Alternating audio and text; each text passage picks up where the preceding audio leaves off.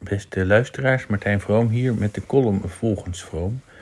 Deze keer heet hij Herdenken.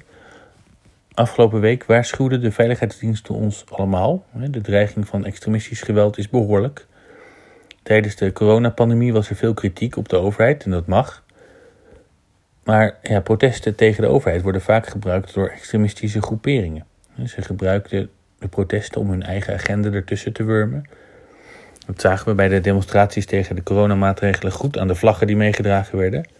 En niet zelden zaten er extreemrechtse vlaggen tussen. En ook kun je op heel, plekken, heel wat plekken in Krimpen de stickers zien met extreemrechtse teksten.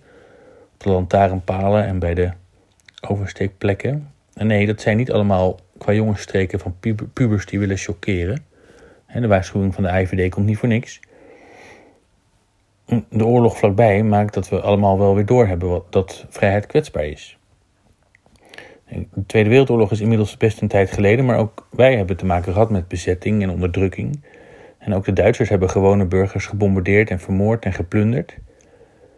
En dodenherdenking en bevrijdingsdag, ja, die waren dit jaar anders dan altijd. Na corona mogen we weer echt herdenken, met z'n allen, samen op de begraafplaats, samen op de bevrijdingsfeesten in het hele land herdenken en vieren en waakzaam zijn. Want niet iedereen heeft het beste voor met democratie en met onze vrijheid.